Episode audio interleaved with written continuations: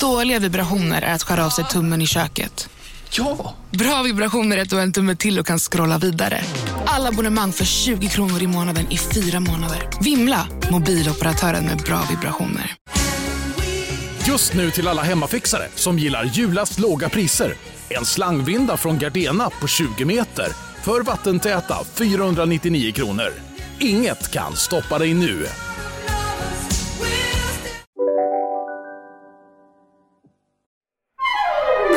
Du lyssnar på en podd från Perfect Day.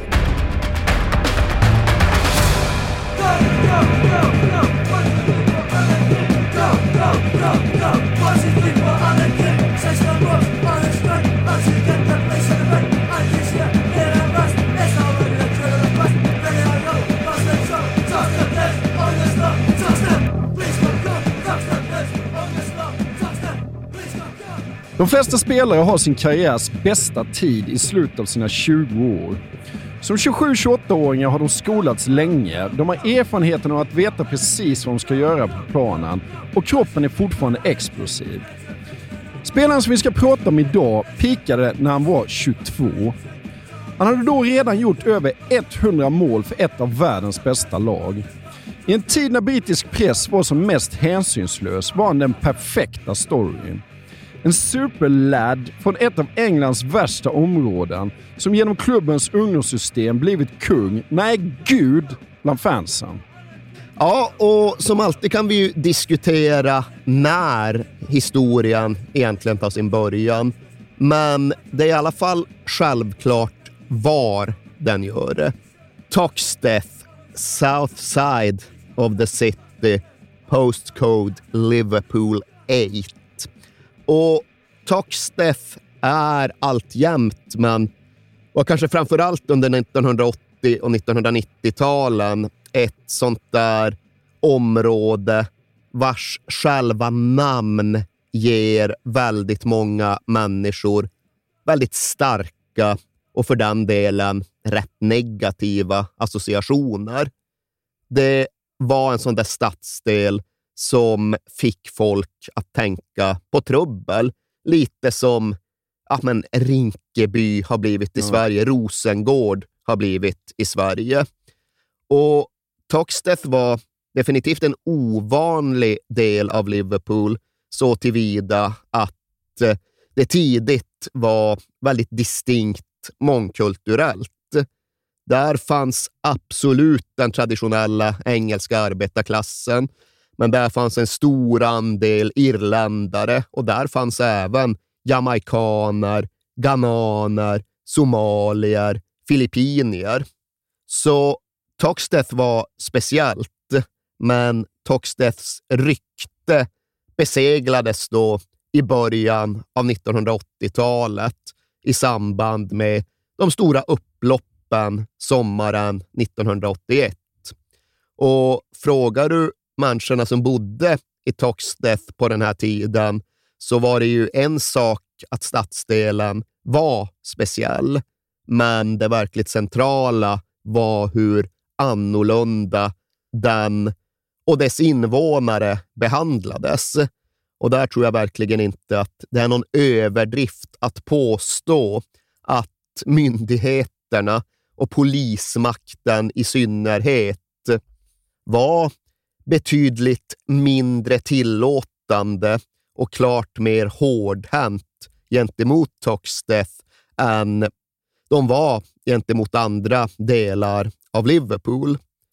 Och de här upploppen de startade som en konsekvens av att en svart kille än en gång blivit arresterad på väldigt luddiga grunder. Och i samband med ett fritagningsförsök som följde så skadades poliser och sen kom rekylen och sen var ja, men den stora striden om Toxteth igång.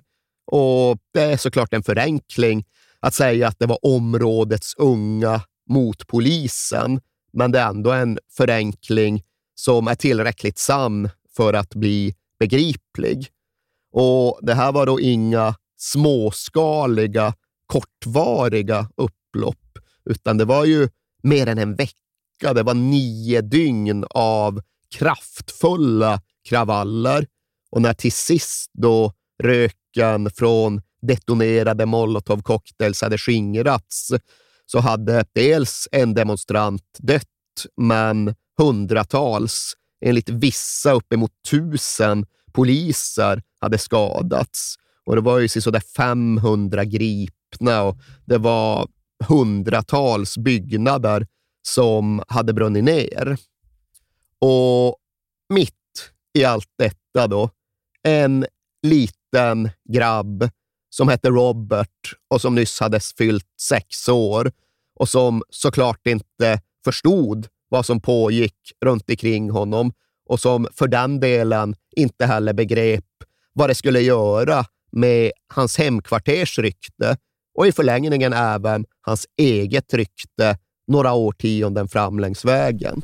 If anybody has any evidence that can be identified as excessive force, let me have the evidence and I'll deal with it. But our tactic in policing that area last night was to break up these gangs that were marauding in that area. There were areas there where we cannot enter. One might cynically suggest that the flats were designed to prevent us dealing with a, a, an unlawful assembly, if you like.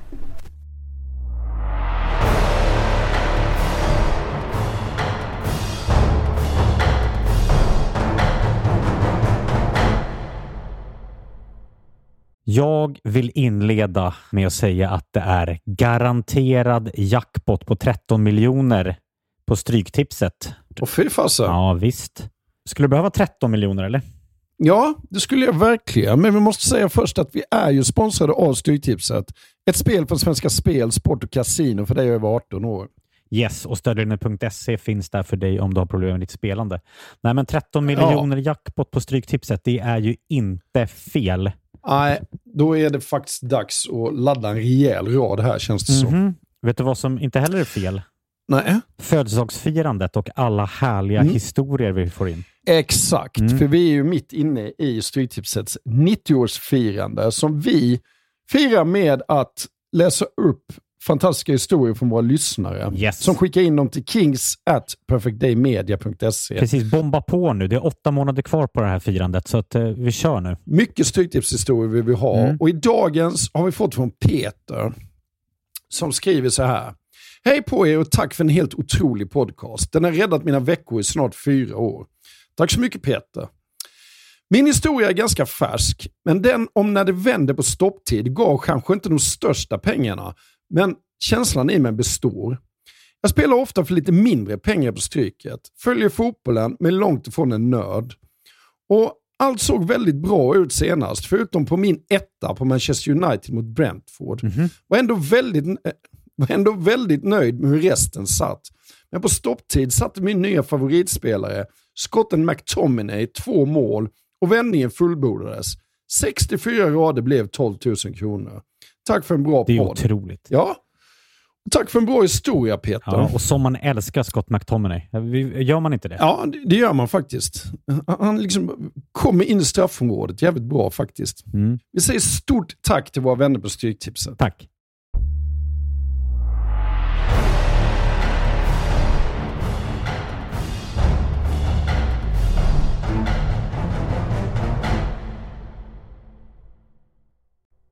Men han har skrivit på för Liverpool. Hur går det för honom där då?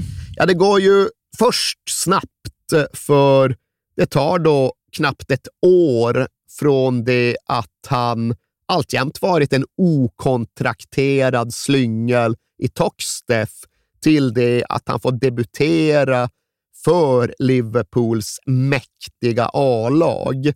Men han får inte då debutera i en riktig ligamatch, utan han får testa på i en så kallad testimonial, en välgörenhetsmatch för den gamla Liverpool-kämpen Joey Jones i hans hemstad Wrexham. Och där fick då en Robbie Fowler som nyss fyllt 17 göra ett inhopp redan våren 1992 men därefter kom inte det där stora lyftet och genombrottet. För under hela säsongen som följde, alltså säsongen 92-93, ja då fick inte Robbie Fowler en enda chans. Han fick inte ett enda inhopp. Och även om han satt på bänken två gånger för Liverpool så blev det prick noll minuter och en rätt stor frustration. Och 18 år fyllda, ja, då började Robbie Fowler känna att ah, nu får allt någonting lov att hända här. Och det som först och främst hände, det hände inte i Liverpool, utan det hände i det engelska U18-landslaget. För där hade Fowler tagit plats och där hade han såklart gjort hattrick i sin debutmatch. Och nu skulle de spela EM på hemmamark i England. Och det var ingen picknick det här EM-slutspelet, för det var en ganska barskt bister grupp som England hade lottats in i. De skulle möta Frankrike och de skulle möta Spanien och däremellan stod de mot ett holländskt landslag som innehöll både Sedorf och Kluivert och van Bronckhorst. Men Fowler gjorde mål hela gruppspelet igenom. Han gjorde mål mot Frankrike och han gjorde mål mot Holland. Och när det sen var avslutande gruppspelsmatch, i praktiken en semifinal mot Spanien, ja, då tog han den matchen på egen hand och förvandlade ett 1-1 kryss till en 4-1-seger med ett hattrick. Ja. Och det här engelska laget vann sen även finalen mot Turkiet och Robbie Fowler vann skytteligan. Och tittar vi på det här gänget idag så framstår det inte som särskilt konstigt att de lyckades bli Europamästare. För utöver Fowler så fanns där Gary Neville och Sol Campbell och Nicky Butt och Paul Scholes. Ja. Men minnet av det här laget skulle sedan växa allt mer genom historien i takt med att andra engelska landslag alltid hittade ett sätt att misslyckas. För den här EM-bucklan som de lyfte, den förblev under väldigt många år den senaste mästerskapstrofén som något engelskt landslag överhuvudtaget hade klarat av att vinna på herr eller pojksidan. Som A-landslaget vann ingenting och U21-landslaget vann ingenting och åren gick och åren gick. Så det tog ju faktiskt 24 år innan något annat engelskt landslag vann någonting överhuvudtaget. Och därför har många fortsatt snacka om det här U18-gänget från 1993. Dels för att de då klarade av någonting som inga andra engelsmän tycktes kapabla till, men dels också för att det var en ungdomsturnering som gjorde stor nytta för många av huvudpersonerna och inte minst då Robbie Fowler. Och den här säsongen 93-94 så får han ju sitt genombrott och det, ja, det smäller rätt bra kan man väl säga va? Ja, även om det inte gör det från allra första början. För nu var det Graham Souness som var manager för Liverpool och han hade gjort en stor investering i Nigel Clough den här sommaren. Och det var liksom självklart att Liverpool skulle spela med Ian Rush längst fram på topp och Nigel Clough alldeles bakom honom. Och den nykomponerade anfallsduon inledde även säsongen väldigt väl. De spelade bra tillsammans, gjorde mål och även om Robbie Fowler var nybliven Europamästare och turneringens skyttekung så kunde han inte se hur han skulle ta sig in i det här laget. Men så kom september och så slutade Ian Rush och Nigel Clough att göra mål och istället så började Liverpool förlora. De förlorade en match och de förlorade en till match och därefter så förlorade de stadsderbyt mot Everton med 2-0 på Goodison Park. Cotty, can he get it back here? Tony Cotty! Tony Cotty still, still Cotty! The persistence pays off and Everton now will believe that they've beaten Liverpool. Five minutes to go.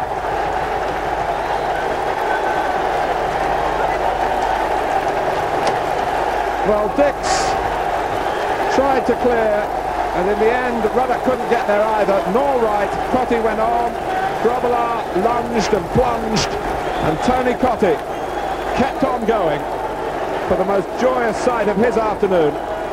And with five minutes left, Everton 2, Liverpool 0. War. I det läget var Graham Sunes tvungen att röska om och förändra. Och han hade en tacksam experimentyta eftersom nästa match var en oglamorös ligacupfight mot Fulham. Och nu var det till sist dags. Nu skulle Robbie Fowler, 18 år gammal, få debutera för Liverpool i en tävlingsmatch. Och det är klart att det var en väldigt, väldigt viktig match för honom personligen. Här fanns chansen att visa någonting, att göra ett avtryck, att på allvar spela sig in i diskussionen om vilka som skulle starta även i Premier League. Och Robbie Fowler tog chansen. Spelade bra, bidrog till en seger och krönte insatsen med ett debutmål. Och det är ett jävla fint mål han gör också. Det är ju ett överlångt inlägg som är rätt svårt att hantera eller kontrollera. Men Fowler struntade ju i att försöka ta ner bollen, utan han bara drog till på uppstuds med en tekniskt jäkligt svår halvvolley som han då bara vräkte upp i nättaket bakom fulla målvakten.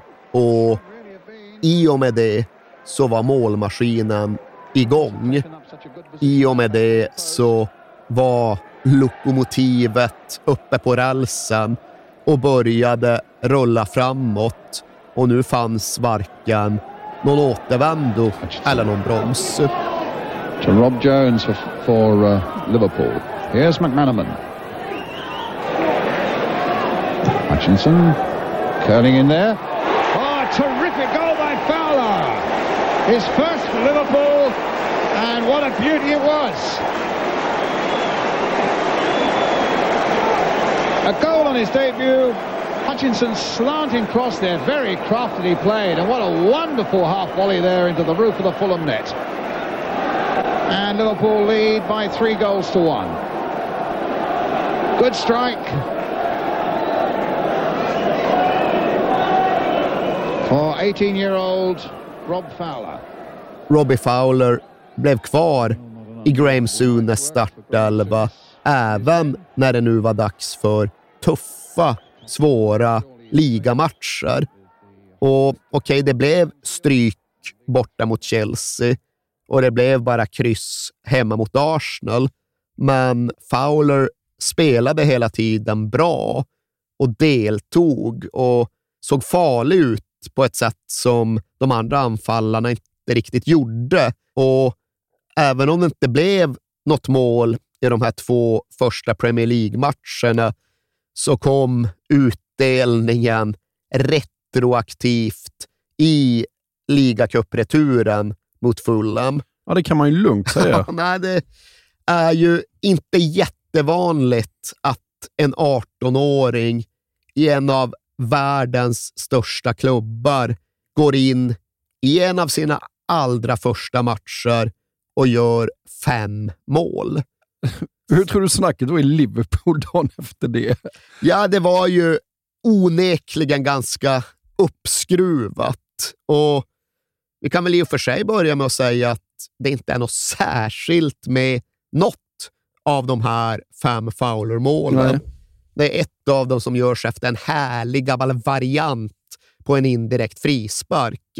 Men vartenda ett av dem är ju ganska enkla avslut i närheten av målområdet, alltså sex meters linjen. Men det förringar ju inte prestationen. Nej, du ska ta dig dit. Om något du ska ta dig loss. Ja, ja. Ja, det är ju en provkarta på hur man ska röra sig in i ett straffområde, hur man hittar den där fria halvmetern Ja och hur man sen klarar av att avsluta med såväl båda fötterna som med huvudet. Och Robbie Fowler själv konstaterar ju rätt och slätt att mitt liv förändrades den kvällen. För även om han själv inte firade på något annat sätt än att göra det han alltid gjorde, alltså återvända till Toxteth och knalla ner till kinesen för att göra sin standardbeställning. Fried rice. Ja, exakt. Fried rice med någon sorts barbecue-sås. Ja. Det var ju antingen det, fried rice hos kinesen, eller mixed chippy, där det ju fanns klassiskt fish and chips-utbud. Ja. Men även om han då inte insåg och uppfattade det där och då, så förändrades hans liv den kvällen och fortsatte förändras under veckorna och månaderna som följde. För omedelbart i matchen efter kvintuppeln mot Fulham så gjorde Fowler sitt första Premier League-mål mot Oldham och i hemmamatchen därpå mot Southampton så gjorde han hattrick. Och när han långt senare ser tillbaks på den här hösten så refererar han själv till en virvelvind som både var ostoppbar och omöjlig att kontrollera. What happened to me in the autumn of 1993 was absolutely insane. It was a hurricane. It was a force of nature I had absolutely no control over. It was fucking mental. Jaha. Och på sina 22 första matcher för Liverpools A-lag så gör alltså Robbie Fowler, 18 år, 15 mål. Och till saken här hör då att Liverpool och folket runt klubben uppfattade det ju som att de hade varit nere på botten och stött i.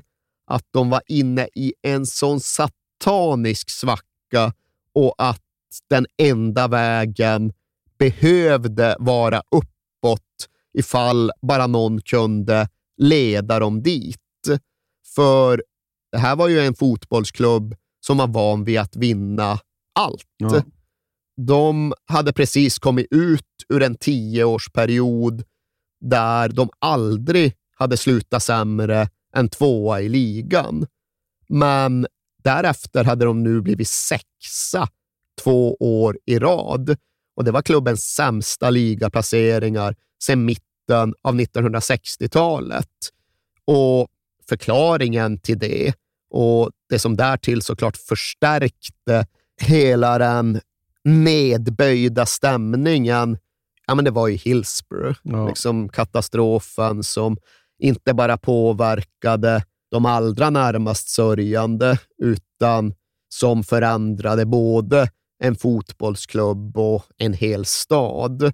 Och fortfarande 1993 så är det ju helt odiskutabelt att klubben hukade i dess sorgsvarta skugga. Och fram till det att Robbie Fowler började spela och började göra mål så tycktes det bli ännu sportsligt mycket värre än vad någon hade kunnat föreställa sig eller befara. För Liverpool var nere på trettonde plats halvvägs in på den här hösten. Men så kommer då Robbie Fowler från ingenstans, eller i alla fall från Toxteth. Och han gör 15 mål på 22 matcher och han drar ju med sig sitt lag och sin klubb. Liverpool förlorar bara två på 18 i Premier League efter det att Fowler började spela. Och det är väl kanske framför allt det här som gör att fansen ser honom som ja, men en frälsare och Gud. Ja. Här har vi den förlorade sonen som stiger upp från våra egna gator och som ska leda oss mot ljuset och lyckan igen. Det var verkligen så det uppfattades och det där med att Robbie Fowler skulle vara Guds son eller rent utav Gud fader själv.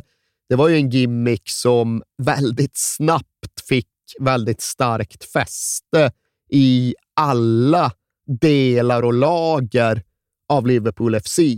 Det var inte bara så att det skanderades på det sättet från The Cop, utan nästan omedelbart så börjar ju även hans erfarna och välmeriterade lagkamrater referera till Robbie Fowler som God. Ja. Det var liksom så han blev känd på träningsanläggningen. Vilken jävla börda för en liten 18-åring ändå. Såklart, Ja. och det var ju på skämt.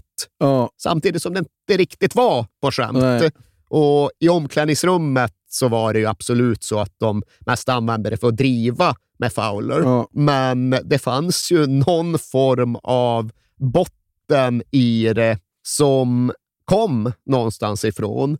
Som kom från den verklighet som nu plötsligt gällde för Robbie Fowler.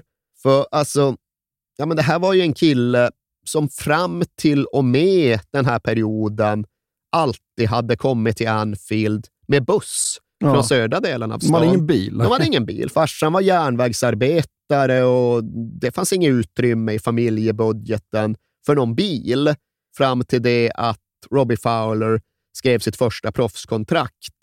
Och då var han själv inte 18, så han fick fortsätta att ta bussen. Men sen tog han körkort och sen skaffade han sig någon beige Ford Escort Ja. från 1983. Men klubbhierarkin på den här tiden såg ju ut som så att det var trångt om parkeringsplatserna runt själva Anfield och de platserna men de skulle John Barnes och Jan Mölby ha. Så Fowler han fick ju ta sin Ford Escort från 1983 och ställa den på Oakfield Road, vilket är ja, kan det vara en kilometer från Anfield och promenera sista biten. Och det hade inte varit något med det. Han hade aldrig tänkt på den saken. Det var ju bättre än att ta bussen. Men nu ställde han bilen på Oakfield Road och försökte gå till Anfield. Och helt plötsligt är det ju tusentals folk runt omkring honom som mer eller mindre bär honom hela vägen till arenan så fort han ska dit. Och sen får i och för sig den här första förtrollade tiden ett ganska abrupt avbrott i samband med fa Cup-spelet i början av 1994. Ja, för de möter Bristol City, va? Ja, Bristol City. Skada ankeln. Han Ja. bryter ju vristen, Ja. mer eller mindre. Får en fraktur i ett ben och parallellt med det så förlorar ju Liverpool mot Bristol City från andra divisionen. De åker ur FA-cupen, Graham Souness får sparken och laget börjar förlora igen. Utan Fowler så sjunker de återigen neråt i tabellen och till sist ska de ju sluta åtta den här säsongen och sämre än så har de inte varit sedan de gick upp i högsta ligan med Bill Shankly i början av 1960-talet. Men när Fowler återvänder till laget efter ett par månaders skadefrånvaro, ja då återvänder ju även hoppet till Liverpool. För alltså, de ruschar tillbaks honom innan han egentligen var helt redo, innan han borde ha spelat. Men han behövdes, för det var derby mot Everton på Anfield och Liverpool hade ju förlorat säsongens första derby. Och det här det skulle bli det allra sista derbyt som spelades inför gamla The Cop, ståplatsläktaren The Cop. Och det fanns liksom inte som alternativ att förlora den dagen. Och såklart, Liverpool vände Liverpool vann och en comebackande Robbie Fowler gjorde segermålet nedanför The Cop. Och nu var då frälsaren återuppstånden. Nu växte hans rykte och hans berömmelse omedelbart ett par nivåer till. It all started that day. Real worship from the Liverpool fans and hatred from the opposition, minns Robbie Fowler själv. Och så var det. Derbymålet innebar att han i ett slag med ett skott blev ännu mycket mer omhuldad och omsusad och omstridd i fotbollsstaden Liverpool. Men det gjorde ju också så att han fick en helt annan typ av nationell uppmärksamhet. För även om derbyt är en lokal angelägenhet så är det ju också den typen av match som hela Storbritannien tittar på, som hela världen ja. tittar på. Och nu hade Fowler gjort avtryck även i ett sånt sammanhang. Och här någonstans finns då det som jag egentligen tycker är hela kärnan i historien om Robbie Fowler. För på ett sätt kan den här berättelsen och det här avsnittet sägas vara en typ av lite oväntad uppföljare till programmen vi gjorde om Glenn Hussein. För där kretsade då slutsatsen kring det här med att vara en fotbollsspelare som stannade precis innan ett historiskt vägskäl. Glenn Hussein stannade, Glenn Hussein lämnade Liverpool och Premier League precis innan allt förändrades, innan alla pengar och all uppmärksamhet bara stack iväg till en helt ny och annan plats. Och precis då där Glenn Hussein stannade, där kan vi säga att Robbie Fowler tog vid. Han blev en av de första att hoppa på tåget när det nu började skena iväg i en helt ny riktning mot okänd destination.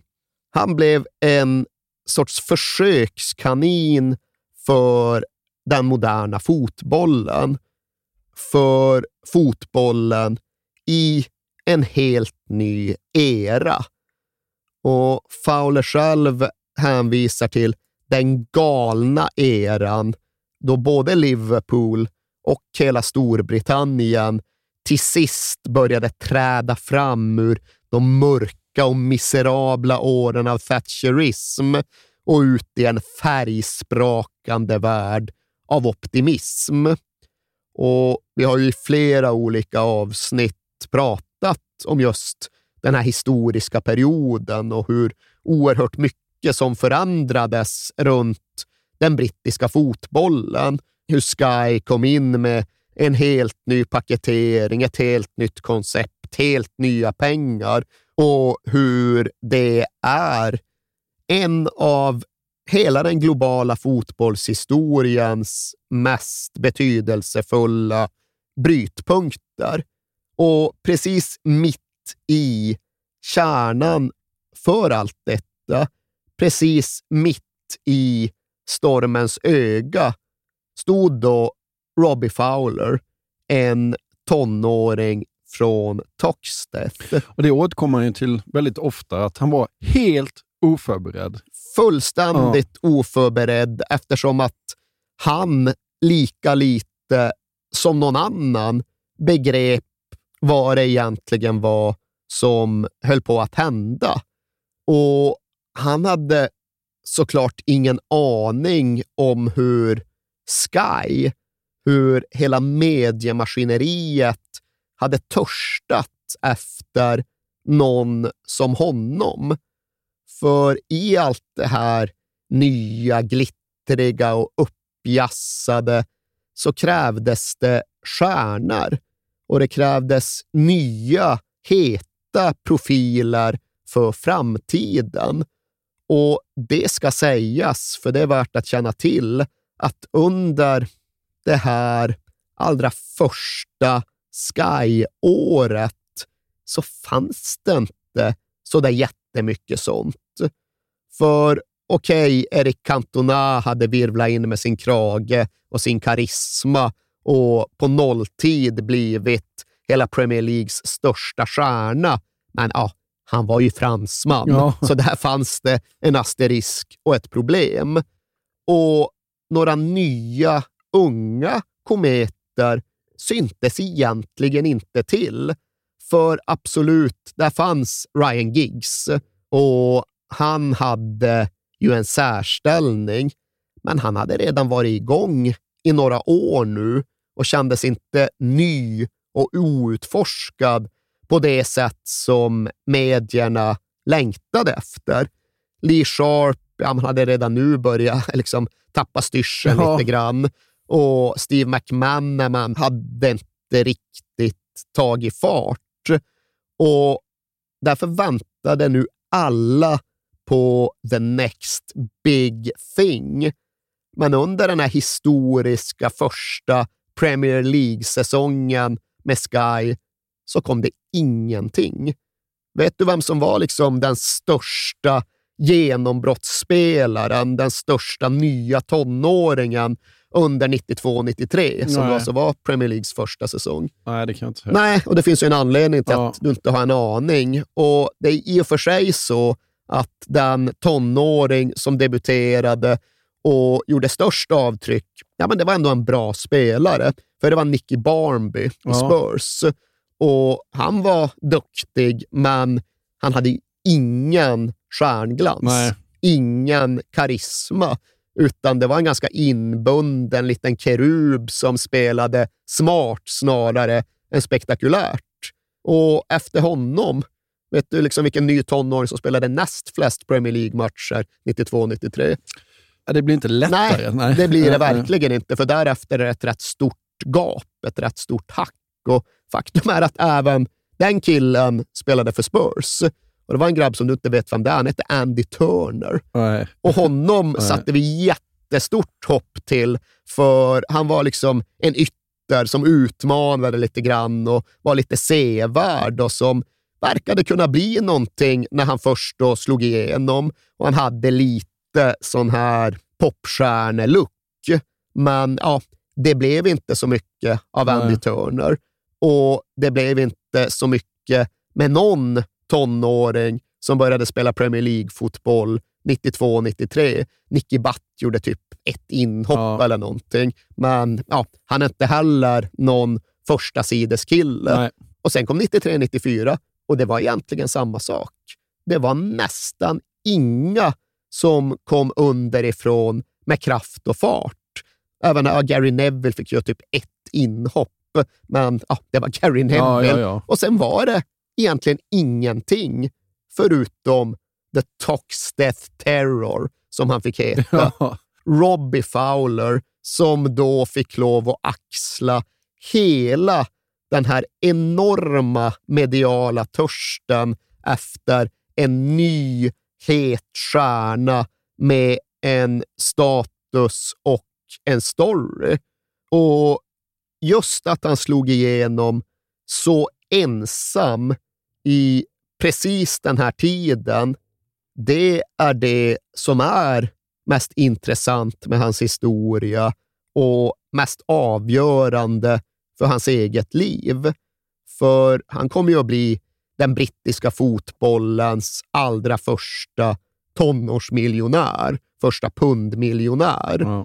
innan han ens fyllt 20. Och sen fortsatte han ju sitta längst fram i det här berg och dalbanetåget som bara skenade iväg i allt högre hastigheter. För här mitten av 90-talet, där stiger Premier League-spelarnas löner med 20, 25, 30 procent om året. Ja. Och Det går så snabbt så att ingen hänger med. Och allra minst begriper Robbie Fowler vad som händer runt honom.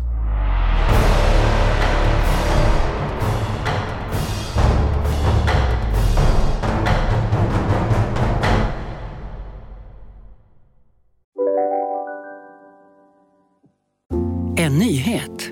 Nu kan du teckna livförsäkring hos Trygg-Hansa. Den ger dina nära ersättning som kan användas på det sätt som hjälper bäst. En försäkring för dig och till de som älskar dig. Läs mer och teckna på trygghansa.se. Trygg Hansa. Trygghet för livet.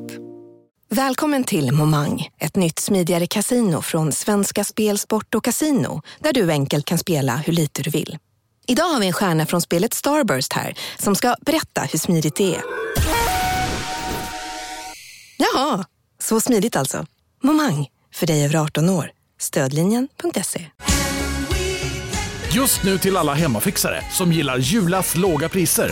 Ett borr och bitset i 70 delar för snurriga 249 kronor. Inget kan stoppa dig nu.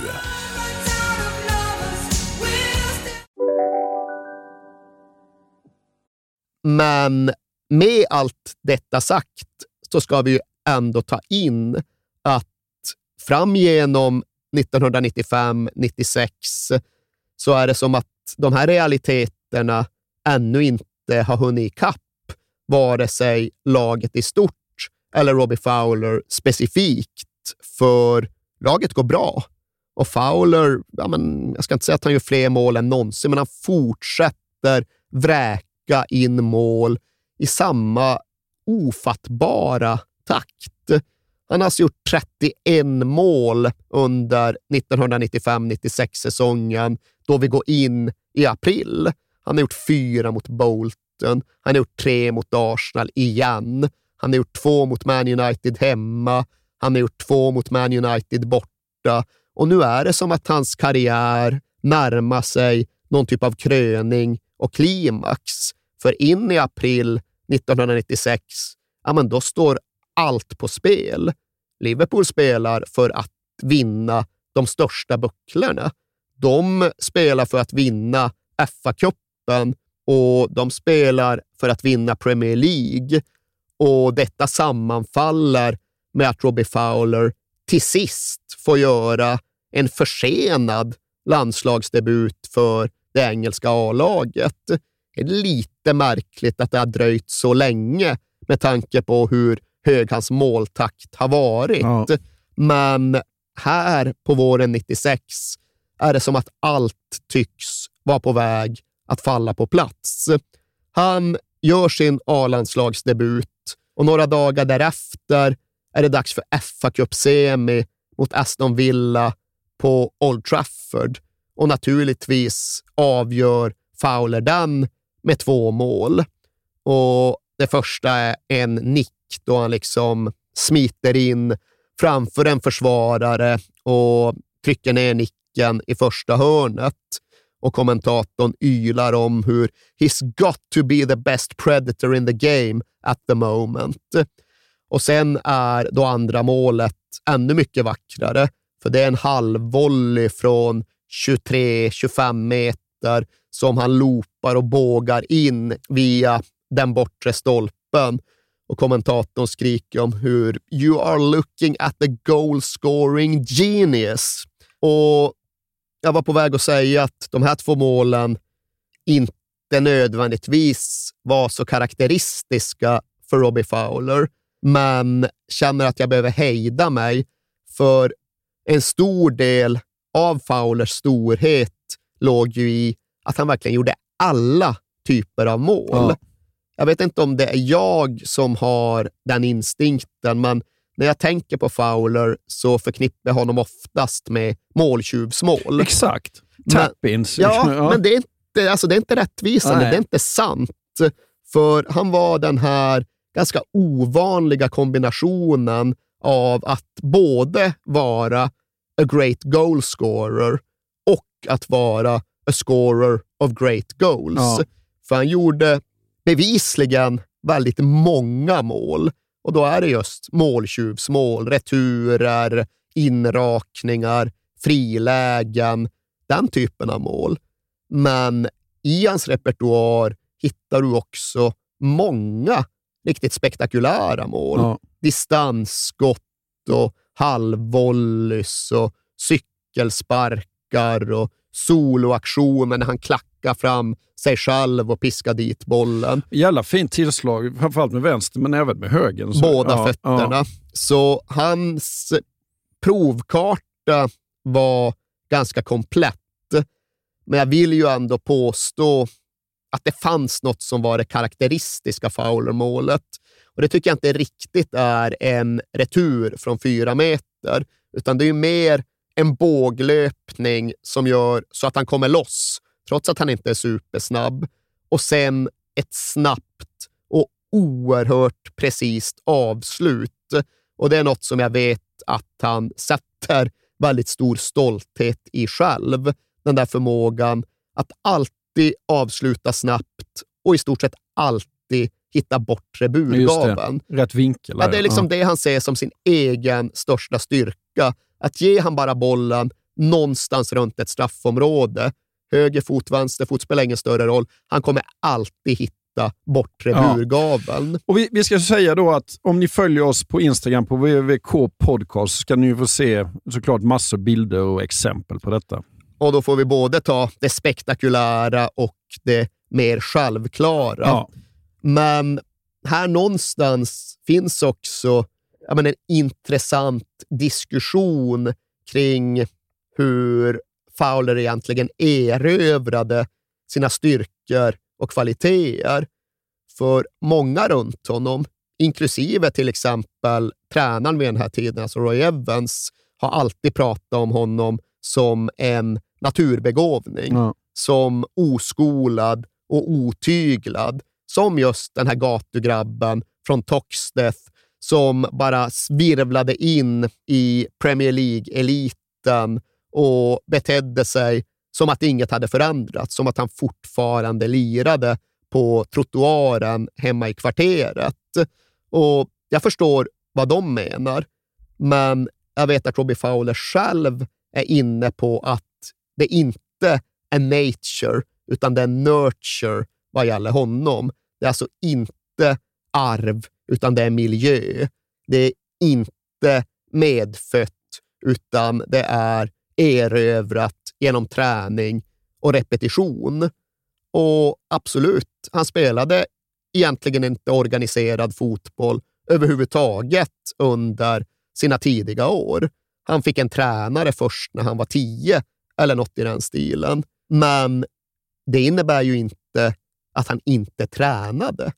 Han tränade hypermycket, extremt mycket mängd, extremt mycket repetition under sina mest formbara år. Och där pekar han ju då själv på att den där förmågan att alltid veta var han har målet, att alltid ha koll på vinklarna och att alltid kunna få iväg ett snabbt avslut som hittar bortre gaveln. Det är inget han fick gratis, utan det är något han själv har utvecklat genom att kicka bollar mot väggar och murar i Toxteth och sedan observera hur studsar kom och hur vinklar uppstod och på så sätt utveckla en instinktiv förmåga som han själv alltid hade med sig, men som han sen inte kunde förklara och än mindre lära ut till lagkamrater i vuxen ålder. För sånt hände ju att hans medspelare kom fram till honom på träningsplanen och det liksom, hur tusan kan du alltid få iväg så snabba skott med så ren träff och med så självklar precision?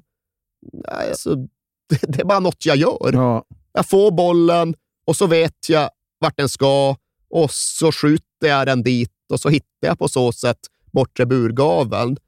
Medfött. Ja, vissa av hans tränare tror det.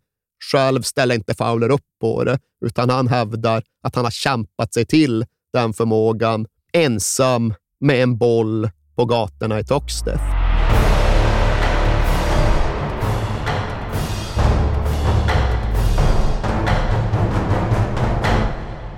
Men med allt detta sagt så ska vi ju ändå ta in att fram genom 1995-96 så är det som att de här realiteterna ännu inte har hunnit ikapp vare sig laget i stort eller Robbie Fowler specifikt, för laget går bra. Och Fowler, ja men, jag ska inte säga att han gör fler mål än någonsin, men han fortsätter vräka in mål i samma ofattbara takt. Han har alltså gjort 31 mål under 1995-96 säsongen, då vi går in i april. Han har gjort fyra mot Bolton. Han har gjort tre mot Arsenal igen. Han har gjort två mot Man United hemma. Han har gjort två mot Man United borta. Och nu är det som att hans karriär närmar sig någon typ av kröning och klimax. För in i april 1996, ja men då står allt på spel. Liverpool spelar för att vinna de största bucklorna. De spelar för att vinna FA-cupen och de spelar för att vinna Premier League. Och detta sammanfaller med att Robbie Fowler till sist får göra en försenad landslagsdebut för det engelska A-laget. Det är lite märkligt att det har dröjt så länge med tanke på hur hög hans måltakt har varit. Ja. Men här på våren 96 är det som att allt tycks vara på väg att falla på plats. Han gör sin A-landslagsdebut och några dagar därefter är det dags för fa Cup-semi mot Aston Villa på Old Trafford. Och naturligtvis avgör Fowler den med två mål. Och Det första är en nick då han liksom smiter in framför en försvarare och trycker ner nicken i första hörnet. Och kommentatorn ylar om hur “He's got to be the best predator in the game at the moment”. Och sen är då andra målet ännu mycket vackrare, för det är en halvvolley från 23-25 meter som han loopar och bågar in via den bortre stolpen och kommentatorn skriker om hur “You are looking at the goal scoring genius”. Och jag var på väg att säga att de här två målen inte nödvändigtvis var så karaktäristiska för Robbie Fowler, men känner att jag behöver hejda mig, för en stor del av Fowlers storhet låg ju i att han verkligen gjorde alla typer av mål. Ja. Jag vet inte om det är jag som har den instinkten, men när jag tänker på Fowler så förknippar jag honom oftast med måltjuvsmål. Exakt. Tap-ins. Ja, ja, men det är inte, alltså, det är inte rättvisande. Nej. Det är inte sant. För han var den här ganska ovanliga kombinationen av att både vara a great goal scorer och att vara a scorer of great goals. Ja. För han gjorde bevisligen väldigt många mål. Och då är det just måltjuvsmål, returer, inrakningar, frilägen, den typen av mål. Men i hans repertoar hittar du också många riktigt spektakulära mål. Ja. Distansskott och halvvolleys och cykelsparkar och soloaktioner när han klackar fram sig själv och piskar dit bollen. Jävla fint tillslag, framförallt med vänster men även med höger. Båda ja, fötterna. Ja. Så hans provkarta var ganska komplett. Men jag vill ju ändå påstå att det fanns något som var det karaktäristiska Fowler-målet. Och Det tycker jag inte riktigt är en retur från fyra meter, utan det är mer en båglöpning som gör så att han kommer loss, trots att han inte är supersnabb. Och sen ett snabbt och oerhört precis avslut. Och det är något som jag vet att han sätter väldigt stor stolthet i själv. Den där förmågan att alltid avsluta snabbt och i stort sett alltid hitta bortre burgaven. Rätt vinkel. Ja, det är liksom ja. det han ser som sin egen största styrka. Att ge han bara bollen någonstans runt ett straffområde, höger fot, vänster fot, spelar ingen större roll. Han kommer alltid hitta bortre ja. burgaveln. Och vi, vi, ska säga då att om ni följer oss på Instagram på www.k podcast ska ni få se såklart massor bilder och exempel på detta. Och då får vi både ta det spektakulära och det mer självklara. Ja. Men här någonstans finns också ja, men en intressant diskussion kring hur Fowler egentligen erövrade sina styrkor och kvaliteter. För många runt honom, inklusive till exempel tränaren vid den här tiden, alltså Roy Evans, har alltid pratat om honom som en naturbegåvning, Ja. som oskolad och otyglad, som just den här gatugrabben från Toxteth som bara virvlade in i Premier League-eliten och betedde sig som att inget hade förändrats, som att han fortfarande lirade på trottoaren hemma i kvarteret. Och Jag förstår vad de menar, men jag vet att Robbie Fowler själv är inne på att det inte är nature, utan det är nurture vad gäller honom. Det är alltså inte arv, utan det är miljö. Det är inte medfött, utan det är erövrat genom träning och repetition. Och absolut, han spelade egentligen inte organiserad fotboll överhuvudtaget under sina tidiga år. Han fick en tränare först när han var tio eller något i den stilen. Men det innebär ju inte att han inte tränade. Han tränade hypermycket, extremt mycket mängd, extremt mycket repetition under sina mest formbara år.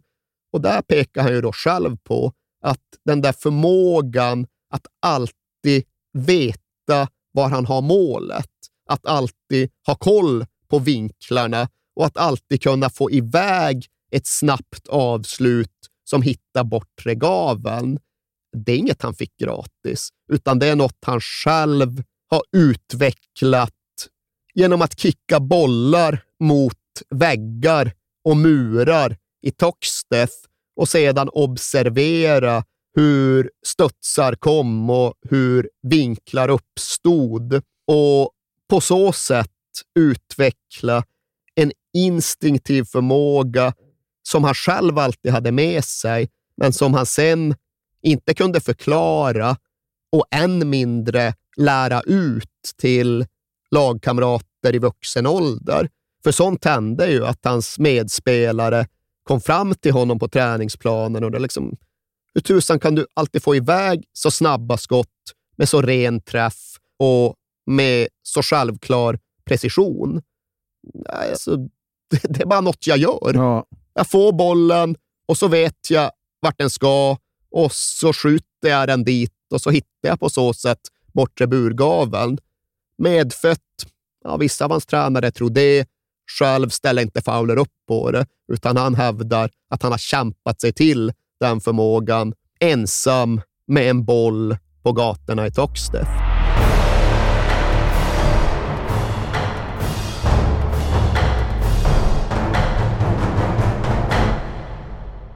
Men som du sa, våren 96 så spelar de fortfarande för allt. Ja, och Robbie Fowler har tagit dem till fa Cup-final.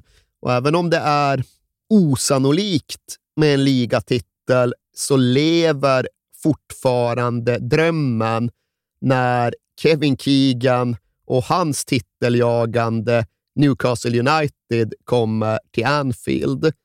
Och den här matchen är ju försiktigt uttryckt en klassiker. Ja. Och Robbie Fowler pratar om den bästa stämning han någonsin upplevt på Anfield. Absolute bedlam. Insane. Och själv gör ju Fowler 1-0 med näsan efter två minuters spel. Och han gör sen även 2-2 efter knappa timmen.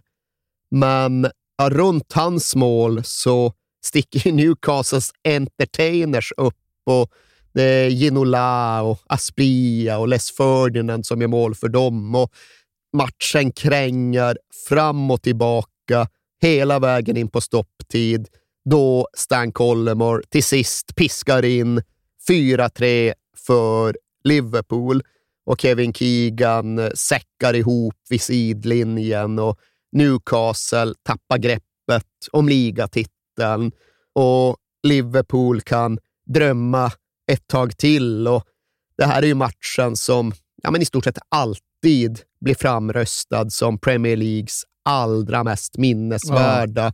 när den typen av sammanställningar görs. Jag tror jag faktiskt har lagt upp den på, på vår Instagramkonto tidigare när vi pratade om Newcastle, men jag undrar om jag inte ska göra det igen. Nu. Ja, vi får se vilket utrymme ja, du skaffar dig själv ja. på Instagram. Men Robbie Fowler instämmer ju i alla beskrivningar av hur speciellt det här var.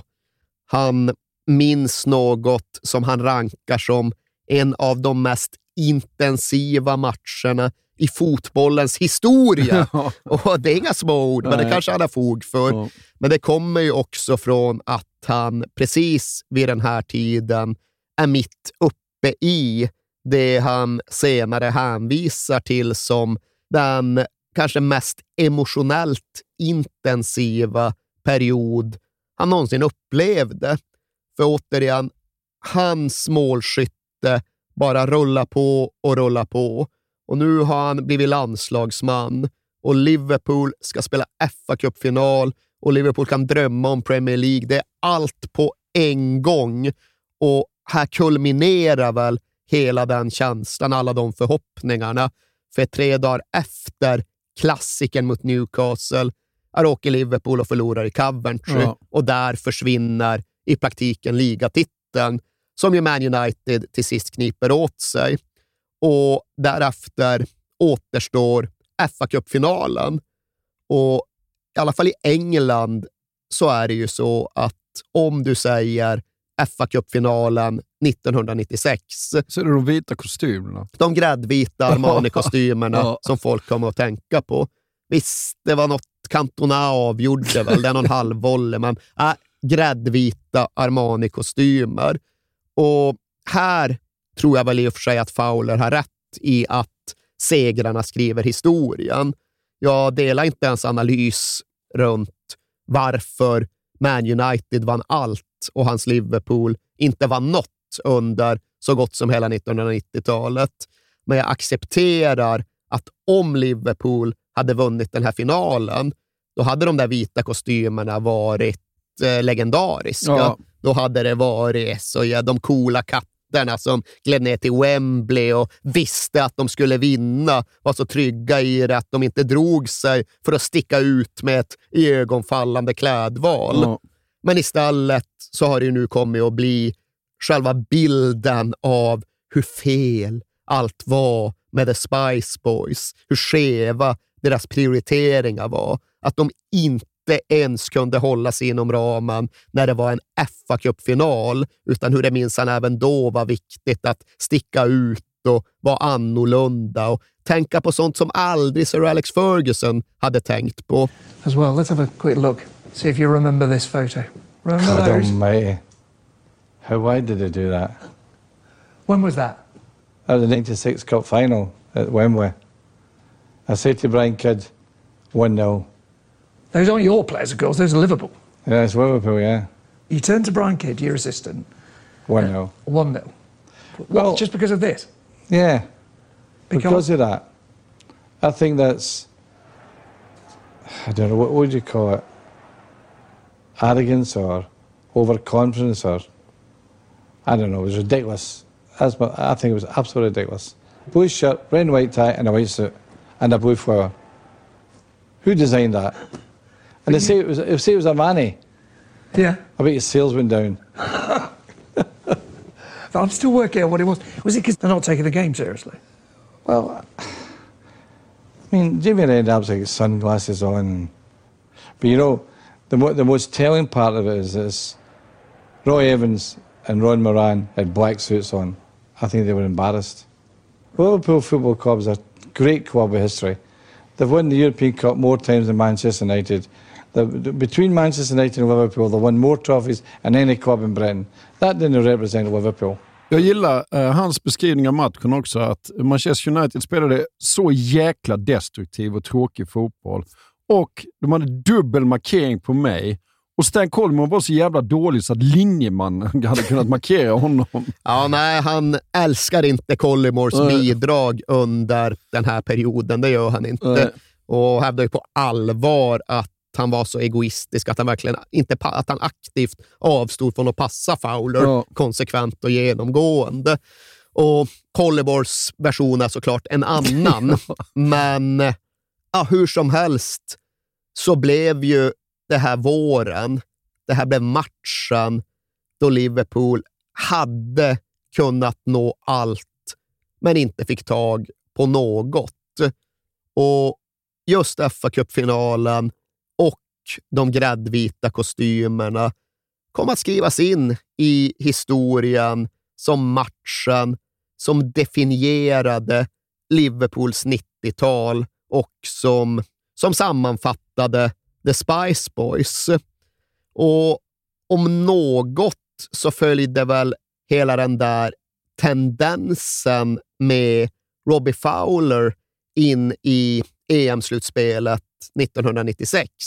För det kommer ju inte att bli ett kapitel om Sir Alex Ferguson-mentaliteten där segrar trollades fram genom kompromisslös professionalism, utan det kom att bli en förförisk och medryckande saga, men som till sist ändå slutade i ett enda stort nästan och med ganska många frågetecken kring disciplin och professionalism.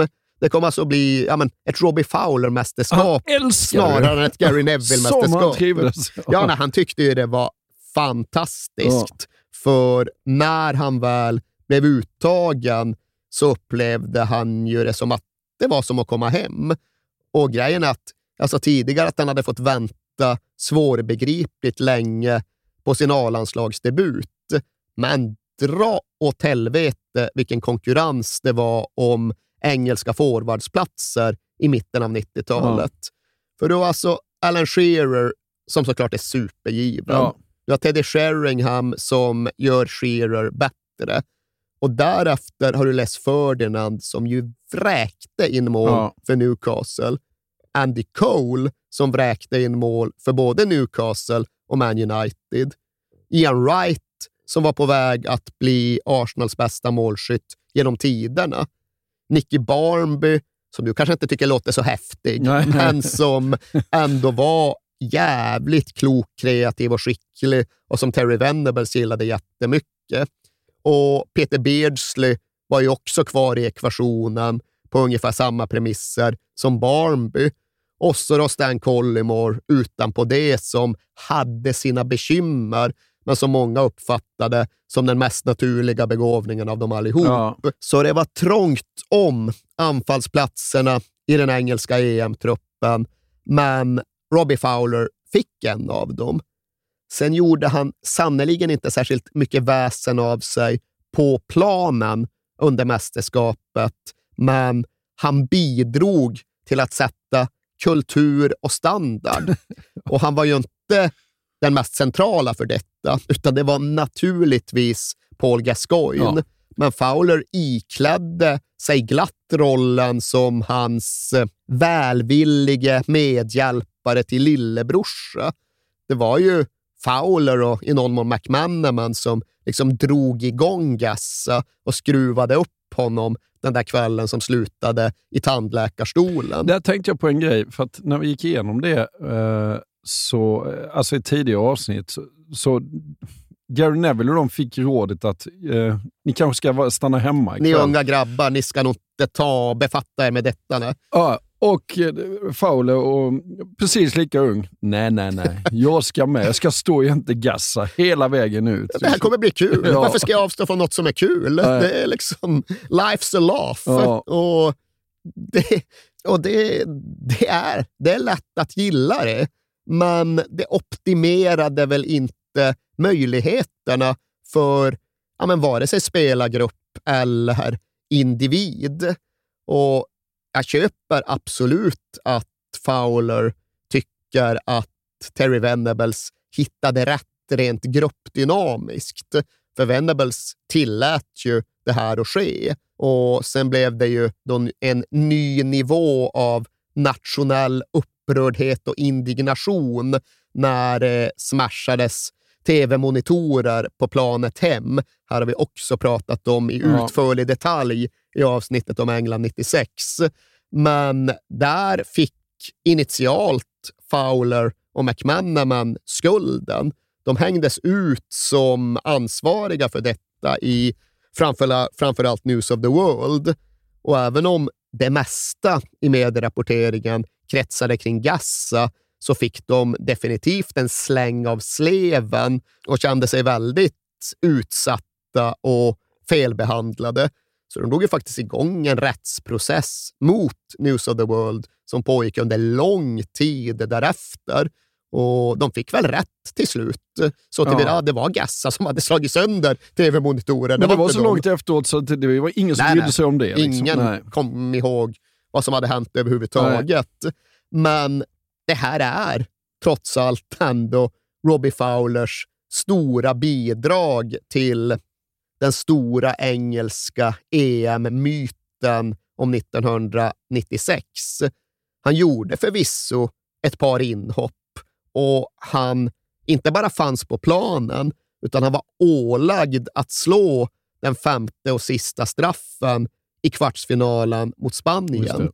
Men innan vi hann dit så gick ju Miguel Angel Nadal fram och missade. Jo då, Rafa Nadals farbror, det ska vi alltid säga.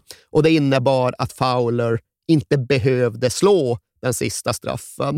Och jag hade ju känt, puh, vilken utandning, vilken Ja. lycka att inte behöva ta det utsatta ansvaret.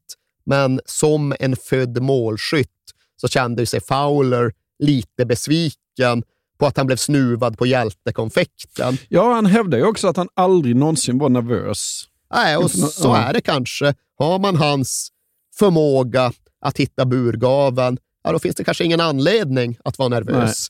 Men ja, för egen del är det ju svårt att sätta sig in i en situation där man hoppas att den spanska spelaren ska göra mål Ja, för att ja. matchen på så sätt ska leva ända fram till den egna hjältesituationen. Verkligen.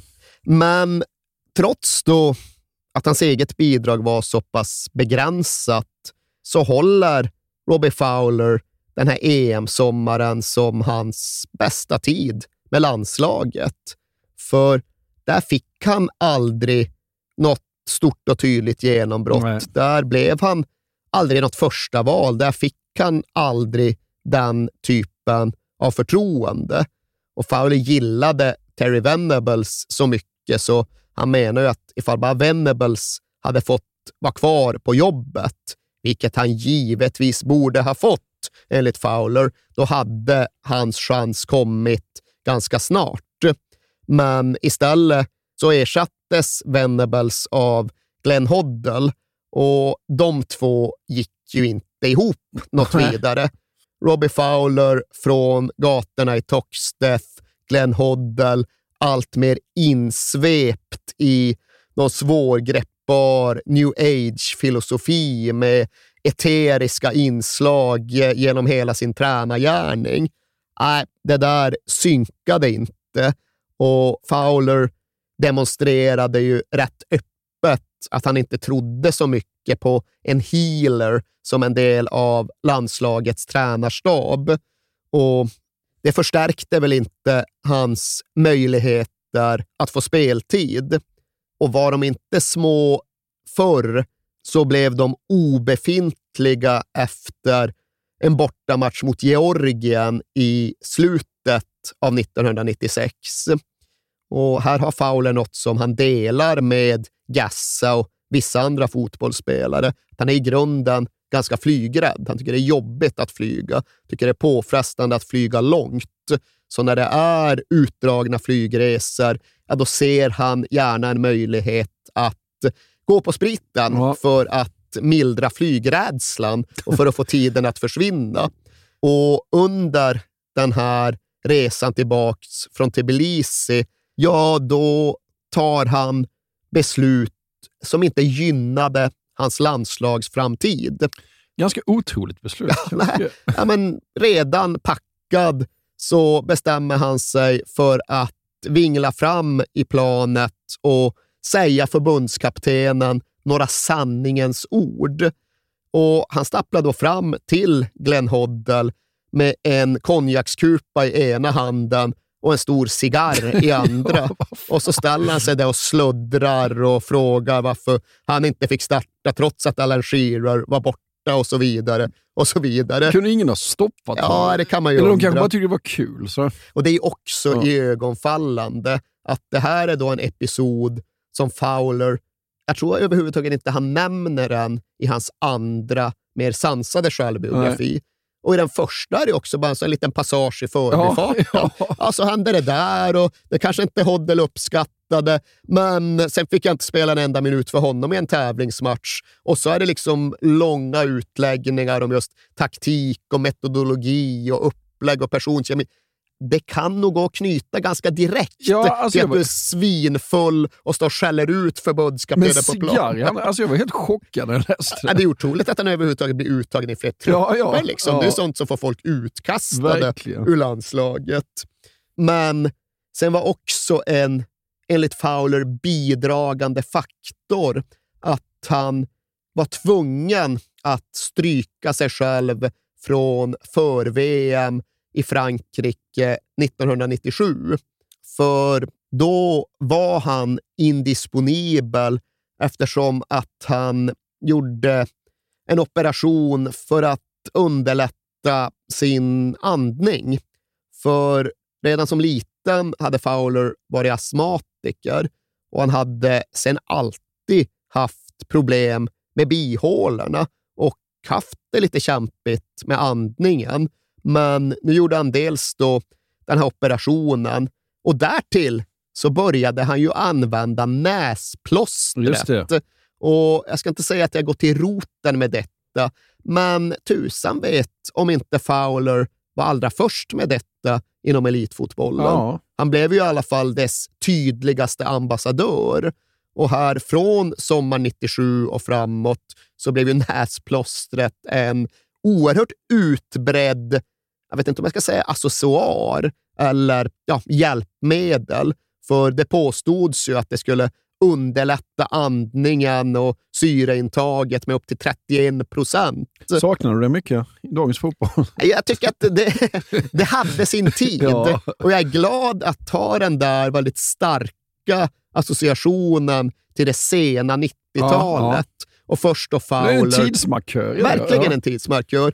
Och I och för sig tror jag att det blev kvar längre än vad jag själv kommer ihåg, för det färdades ju då från Robbie Fowler till kanske främst det portugisiska landslaget, det, men även det. det turkiska landslaget höll på mycket. Och sen, alltså det finns bilder, dels på Cristiano Ronaldo med Ja. näsplåster, Neymar med näsplåster, så det hängde ju med långt in Ja. på 2000-talet. Sen gick det över till det där att de skulle smeta skit på tröjan. Men det var någon Ja, här- exakt. Vicodin eller Ja. vad det heter. Något sånt där luftrörsvidgande. Ja. Ja. det höll de på med precis. Det är några Ja. år senare. Men ja, när det gjordes någon form av vetenskapligt test av det där så visade det väl att näsplåster... Noll och inget. Noll Ja. och ingenting. Ja, ja. Och därför försvann det tyvärr. Eller jag vet inte Nej. tyvärr. Det hade sin tid. Jag är glad att det hade sin tid, Ja. men det räckte nog så som Ja. det blev.